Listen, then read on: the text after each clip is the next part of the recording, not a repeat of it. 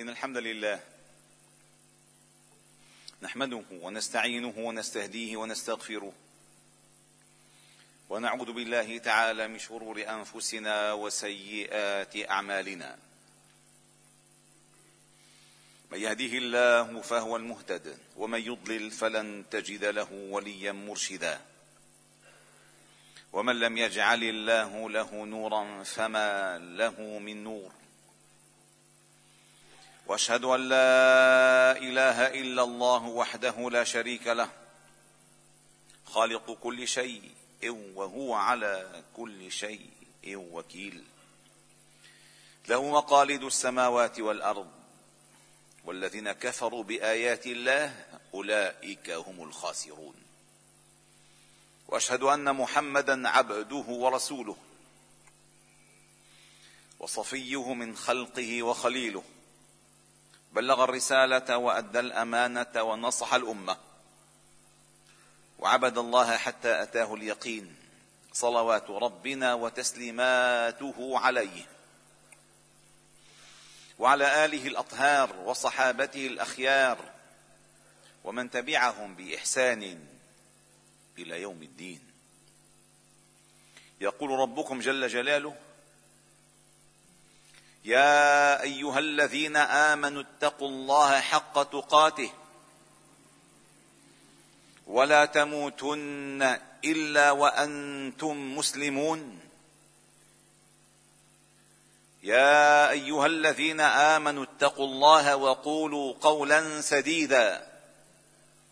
يصلح لكم أعمالكم ويغفر لكم ذنوبكم. ومن يطع الله ورسوله فقد فاز فوزا عظيما. ثم أما بعد فإن أصدق الحديث كلام الله تعالى وأحسن الهدي هدي محمد صلى الله عليه وسلم وشر الأمور محدثاتها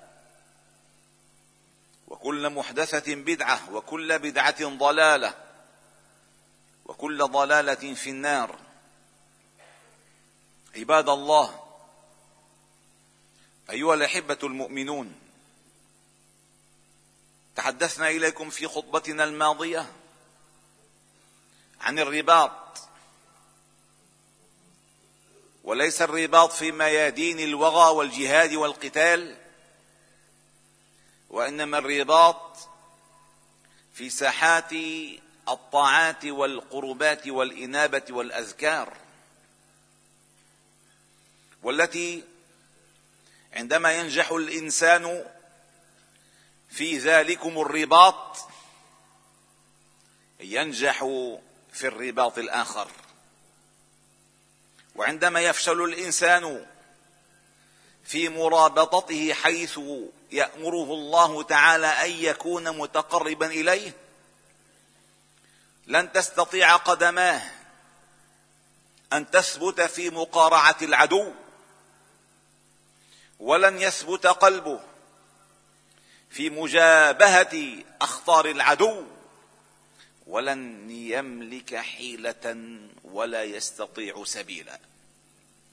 لذلك الله تعالى قال في كتابه يا أيها الذين آمنوا إذا لقيتم فئة فاثبتوا واذكروا الله كثيرا لعلكم تفلحون وأطيعوا الله ورسوله ولا تنازعوا فتفشلوا وتذهب ريحكم واصبروا إن الله مع الصابرين.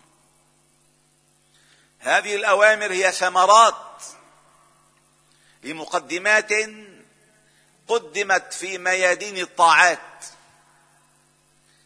قدمت في حلق الذكر قدمت في حلق العلم. قدمت في التواصي بالحق والتواصي بالصبر والتواصي بالمرحمة. قدمت حتى تستطيع أن تثبت. لابد وأن تقدم. وقدموا لأنفسكم واتقوا الله واعلموا أنكم ملاقوه. وبشر المؤمنين. ونحن سندخل بعد أيام قلائل إلى ميادين الرباط الكبرى إلى ميادين الطاعات التي لا مثيل لها في غيرها من الأيام والشهور. إنه شهر رمضان الذي اختصه الله تعالى بنزول القرآن وكأن الله جل جلاله أراد أن يخلد ذكرى نزول القرآن فجعله في شهر رمضان وفرض صيامه على المؤمنين. لأن الصوم أيها الأحباب الكرام إنما يعبر به عن الفرح بالمتلقى من الله. إنما يعبر به بالبهجة بقضاء الله تعالى وقدره. فلذلك عندما أتى النبي صلى الله عليه وسلم المدينة ووجد يهود يصومون في يوم عاشوراء وسأل عن سبب صيامهم قالوا ذاك يوم نجى الله تعالى فيه موسى فنصومه شكرا لله. فقال صلى الله عليه وسلم نحن أحق بموسى منهم. وصامه وأمر بصيامه. اذا فعل الصوم. هو فعل احتفال. وكأن الله تعالى عندما أراد أن ينزل كتابه العظيم وقرآنه المجيد أراده أن يكون في هذا الشهر شهر الصيام وخلده في كل عام حتى يكون الكون كله محتفل أو حتى يكون الكون كله محتفلا بنزول القرآن. شهر رمضان الذي أنزل فيه القرآن هدى للناس وبينات من الهدى والفرقان. فعندما تصوم هذا الشهر والصوم ما الصوم أيها الأحباب الكرام؟ ما هو الصوم؟ هل تستطيع أن تفسر الصوم أنه امتناع عن الطعام والشراب فقط؟ ابدا. الصوم هو امتناع وامساك. هو انقطاع. وما القرآن؟ القرآن إقبال وفعل. فأنت تمسك وتمتنع وتنقطع عن المباحات وتقبل وتقبل وتقرأ وتتلو كلام ربنا جل جلاله الرحمن. لذلك الله تعالى اختص هذا الشهر الكريم بنزول القرآن فيه. لذلك في شهر رمضان تفتح أبواب الجنان وتغلق أبواب النيران وتصفد الشياطين ويقال لصاحب الخير أقبل أقبل أقبل هذا الموسم. ويقال لصاحب الشر أقصر أقصر أقصر. فيا بعد من أدرك رمضان ولم يغفر له. والنبي صلى الله عليه وسلم هو المعلم الأول لكتاب الله تعالى. علمه شديد القوى جبريل عليه السلام. النبي صلى الله عليه وسلم كان في رمضان يعارضه جبريل القرآن يدارسه إياه. وعندما وصف النبي صلى الله عليه وسلم قال عنه الصحابة كما في الصحيح كان النبي صلى الله عليه وسلم أجود الناس. كان صلى الله عليه وسلم أجود الناس وكان أجود ما يكون حين يلقاه جبريل في رمضان يدارسه القرآن. فلرسول الله صلى الله عليه وسلم اجود بالخير من الريح المرسله فلرسول الله صلى الله عليه وسلم كان اجود بالخير من الريح المرسله حين يعارضه جبريل عليه السلام القران لذلك حق لك وانت في هذا الشهر ذي الأيام المعدودات الذي هو ميدان التقوى وميدان الشكر وميدان الرشاد حق لك أن تقبل كل الإقبال على كلام الله تعالى. تلاوة وتدبرا ومراجعة وقياما وفهما وخلقا وعملا. وعلما. حتى تخرج منه. وأنت شاركت الكون كله بهذا الاحتفال بنزول القرآن الكريم. لذلك أيها الأحباب الكرام عندما نخرج من هذا الشهر وقد تقبل الله تعالى منا أعمالنا وصيامنا آمين. ينبغي أن نشعر أن نظرتنا لكتاب الله تعالى اختلفت عما قبل. ينبغي أن نشعر أن علاقتنا بكلام الله تعالى قويت عما قبل لأنه شهر القرآن. إذا لم تقبل على القرآن في شهر القرآن فمتى تقبل؟ وإذا لم تدخل معاني القرآن قلبك في شهر رمضان فتحصد ثمارها بعد رمضان فمتى تحصد؟ لذلك النبي صلى الله عليه وسلم أخبرنا أن القرآن أو أن الصيام عمل سلوكي خلقي وليس كما يفهمه كثير من الناس امتناعا عن الطعام والشراب إنما هو عمل سلوكي خلقي تستأهل معه أن يكون قلبك محلا لنزول كلام الله وعقلك محلا لفهم كلام الله ولسانك رطبا بذكر كلام الله. فقال صلى الله عليه وسلم من لم يدع قول الزور والعمل به فليس لله حاجة في أن يدع طعاما وشرابا ليس لله حاجة في تركك الطعام والشراب. فإنما الصوم عندما كتبه الله عليكم كما كتبه على الذين من قبلكم لعلكم تتقون. أي هو عمل سلوكي وليس نظام غذائي وليس رجيم أكل. إنما هو عمل تطهيري داخلي سلوكي. تلقائيا تجد أنك بغنى عن الإقبال الكثير على الطعام والشراب فتمتنع امتناعا طوعيا عن الطعام والشراب طيلة النهار فإذا أذن أو فإذا غابت الشمس أكلت ما يقيم به صلبك وأقبلت بعد ذلك على عبادة ربك فإذا جاء السحر استعنت به على يوم صيامك بطعام السحور. ثم بدأت يوما جديدا حتى تنتهي الثلاثون يوما وهكذا.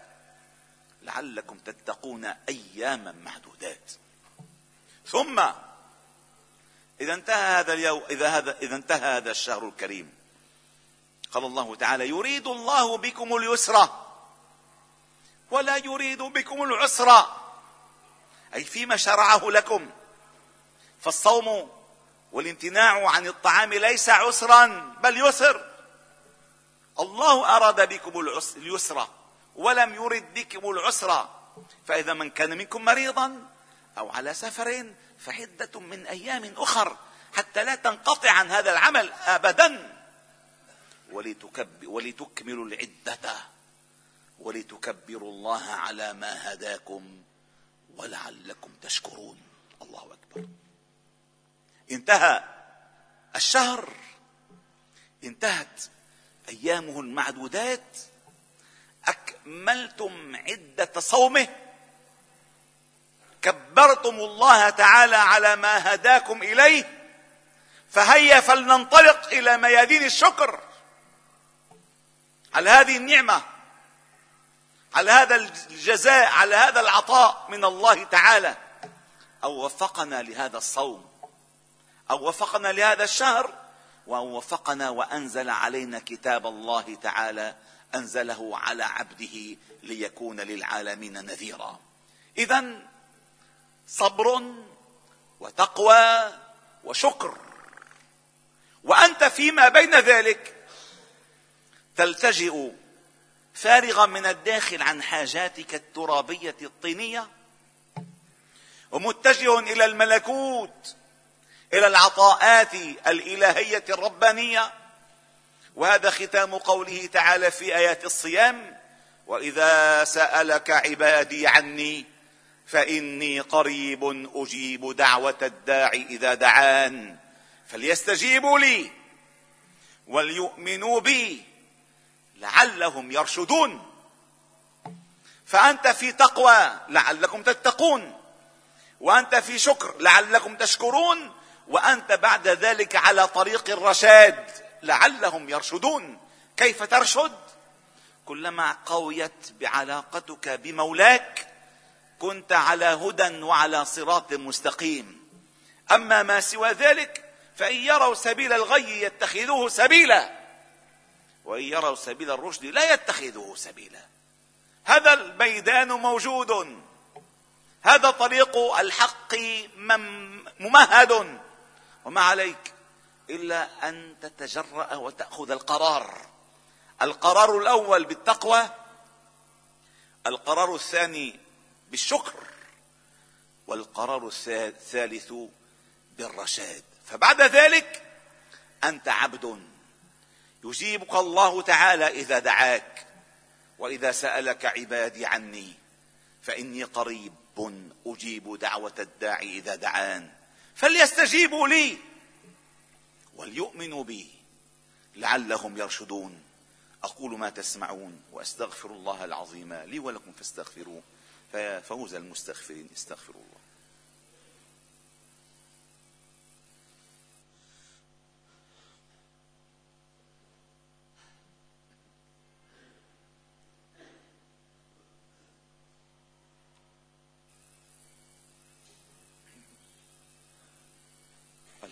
الحمد لله وكفى. وسلام على عباده الذين اصطفى. وأشهد أن لا إله إلا الله وحده نصر عبده وصدق وعده وأعز جنده وهزم الأحزاب وحده لا شيء قبله ولا شيء بعده. ولا نعبد إلا إياه مخلصين له الدين ولو كره الكافرون. وأشهد أن محمدا عبده ورسوله وصفيه من خلقه وخليله. بلغ الرسالة وأدى الأمانة ونصح الأمة. وعبد الله حتى أتاه اليقين. صلوات ربنا وتسليماته عليه. وعلى آله الأطهار. وصحابته الأخيار ومن تبعهم بإحسان إلى يوم الدين. عندما يقول لنا النبي صلى الله عليه وسلم أن الشياطين تصفد فينبغي أن نفهم هذا المعنى بعمق. تصفد الشياطين بكثرة إقبالك أنت على الله. فمفاتيح تصفيدها بيديك. أنت تغلق وأنت تطلق. فإذا أقبلت على صيامك كما يحب الله تعالى ويرضى أقفلت وأحسنت وأتممت قفل شيطانك. أما إذا كنت في يوم صومك وليل صومك كباقي الأيام إلا أنها اختلفت أوقات وجباتك أما لهوك فهو هو وأما لغوك فهو هو وأما بعدك عن الله فهو هو فأي شيطان يصفد؟ تصفيد الشيطان يعني كثرة إقبالك أنت على الطاعات ييأس الشيطان منك فكأنك أقعدته بقفص وأغللت يديه إلى رقبته وأعقت حركته نحوك. وهذا الشهر كذلك أيها الأحباب الكرام هو شهر المواساة. ونحن في ضيق كبير في هذه الأزمان. إن لم نشعر بالآخرين فبمن نشعر؟ إن لم نشعر بهم في شهر الطاعات فمتى نشعر؟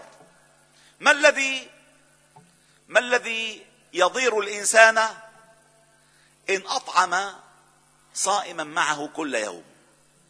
ما الذي يضيره ذلك؟ ألا يستطيع أحد منكم أن يتبنى عائلة عائلة واحدة في رمضان؟ ما الذي يضيره ابدا؟ بالعكس تماما. فمن أفطر صائما كان له مثل أجره خصوصا ونحن في شهر مواساة وفي أزمنة صعبة اقتصاديا واجتماعيا. فلنبادر كل منكم. فليبادر المحيط الذي فيه. فإن لم يجد فليفتش عن الجمعيات الموثوقة في إطعام الناس. فليبادر.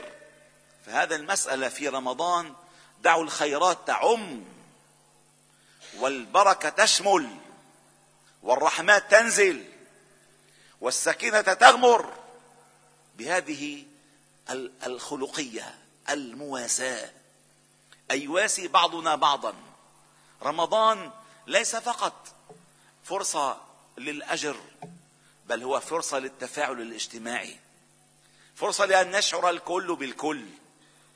وفرصة كذلك أن نفهم بعضنا أن يفهم بعضنا بعضا. وأن نتحرك تجاه الآخرين. لا نتهرب بالعبادات فحسب بل العبادات تقرب إلى الله تعالى. فإن النبي صلى الله عليه وسلم قال أنا وكافر اليتيم كهاتين بالجنة. وكذلك الساعي على الأرامل والمساكين معه في الجنة. وفي رمضان أبواب الخير مشرعة. والحاجات كبيرة أيها الأحباب الكرام. فليبدأ كل منا بمن يعول. وأولى الناس بخيرك أقرباؤك ومحيطك. أولى الناس. فالأقربون هم أولى بالمعروف. فتش عن الدائرة الأضيق حولك. ثم أوسع ثم أوسع ثم أوسع. فإن لم تجد أنت لأن القضية إذا أنت فعلتها أنت بيدك بنظرك بلسانك ببدنك أولى بكثير من أن يفعلها غيرك من الجمعيات. إن لم تجد في محيطك الضيق أو الأوسع أو الأوسع من هم بحاجة من أقربائك فوكل من تثق بهم في ذلك. وإلا أنت أولى فالمواساة أنت تقوم بها أنت تفتش عنها. وكل الناس إلا من رحم الله في هذا الشهر وضعهم صعب. فلذلك فلنطبق شهر المواساة عمليا وفعليا حتى نرقى وحتى نرشد وحتى نشكر وحتى نتقي. عباد الله إن الله وملائكته يصلون على النبي. يا أيها الذين آمنوا صلوا عليه وسلموا تسليما. اللهم صل على محمد وعلى آل محمد كما صليت على إبراهيم وعلى آل إبراهيم وبارك على محمد وعلى آل محمد كما باركت على إبراهيم وعلى آل إبراهيم في العالمين إنك حميد مجيد. وارض اللهم عن الخلفاء الراشدين والصحابة والتابعين ومن تبعهم بإحسان إلى يوم الدين وعنا معهم برحمتك يا أرحم الراحمين. اللهم ارحمنا فإنك بنا راحم ولا تعذبنا فإنك علينا قادر. ولا تسلط علينا بذنوبنا من لا يخافك ولا يرحمنا. يا حي يا قيوم برحمتك نستغيث فأصلح لنا شأننا كله ولا تكلنا إلى أنفسنا طرفة عين ولا أقل ولا أكثر. إلهنا مولانا أنت رب العالمين. اللهم إنا نسألك الهدى والتقى والعفاف والغنى. اللهم إنا نسألك فعل الخيرات وترك المنكرات. وحب المساكين وأن تغفر لنا وترحمنا. وإذا أردت بقوم فتنة فاقبضنا إليك غير خزايا ولا مفتونين. اللهم اهدنا لأحسن الأخلاق والأعمال لا يهدي لأحسنها إلا أنت. واصرف اللهم عنا سيئها لا يصرف عنا سيئها إلا أنت. اللهم اهدي شبابنا اللهم اهدي رجالنا اللهم اهدي نساءنا اللهم اهدي شاباتنا. اللهم اهدي أبناءنا وبناتنا اللهم اهدي إخواننا وأخواتنا اللهم اهدي أمهاتنا وآباءنا اللهم اهدي علماءنا لقول الحق واهد ولاة أمورنا للحكم بالحق ولا تكلنا إلى سواك. اللهم إنا نسألك من خير ما سألك منه نبيك محمد صلى الله عليه وسلم ونستعيذك من شر ما استعاذك منه نبيك محمد صلى الله عليه وسلم. اللهم بلغنا رمضان. اللهم بلغنا رمضان. اللهم بلغنا رمضان وأعنا فيه على الصيام والقيام. وغض البصر وحفظ اللسان. اللهم إنا نسألك أن تلم شملنا وأن تصلح حالنا وأن تجمع صفنا وأن توحد كلمتنا وأن تؤلف بين قلوبنا وأن تسلل سخيمة صدورنا. اللهم آثرنا ولا تؤثر علينا. اللهم أعطنا ولا تحرمنا. اللهم زدنا ولا تنقصنا. اللهم إنا نسألك رضاك والجنة. يا أرحم الراحمين. يا أرحم الراحمين. يا أرحم الراحمين. يا ذا الجلال والإكرام. يا ذا الجلال والإكرام. يا ذا الجلال والإكرام. اللهم إنا عبادك. بنو عبادك بنو إمائك نواصينا بيدك ماض فينا حكمك عدل فينا قضاؤك.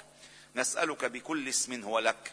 سميت به نفسك أو أنزلته في كتابك أو علمته أحدا من خلقك أو استأثرت به في علم الغيب عندك أن تجعل القرآن العظيم ربيع قلوبنا ونور أبصارنا وجلاء همومنا وذهاب غمومنا وأحزاننا. اللهم علمنا منه ما جهلنا. وذكرنا منه ما نسينا. وارزقنا تلاوته آناء الليل وأطراف النهار وعلى النحو الذي ترضاه منا. اجعله اللهم في حياتنا إماما ونورا.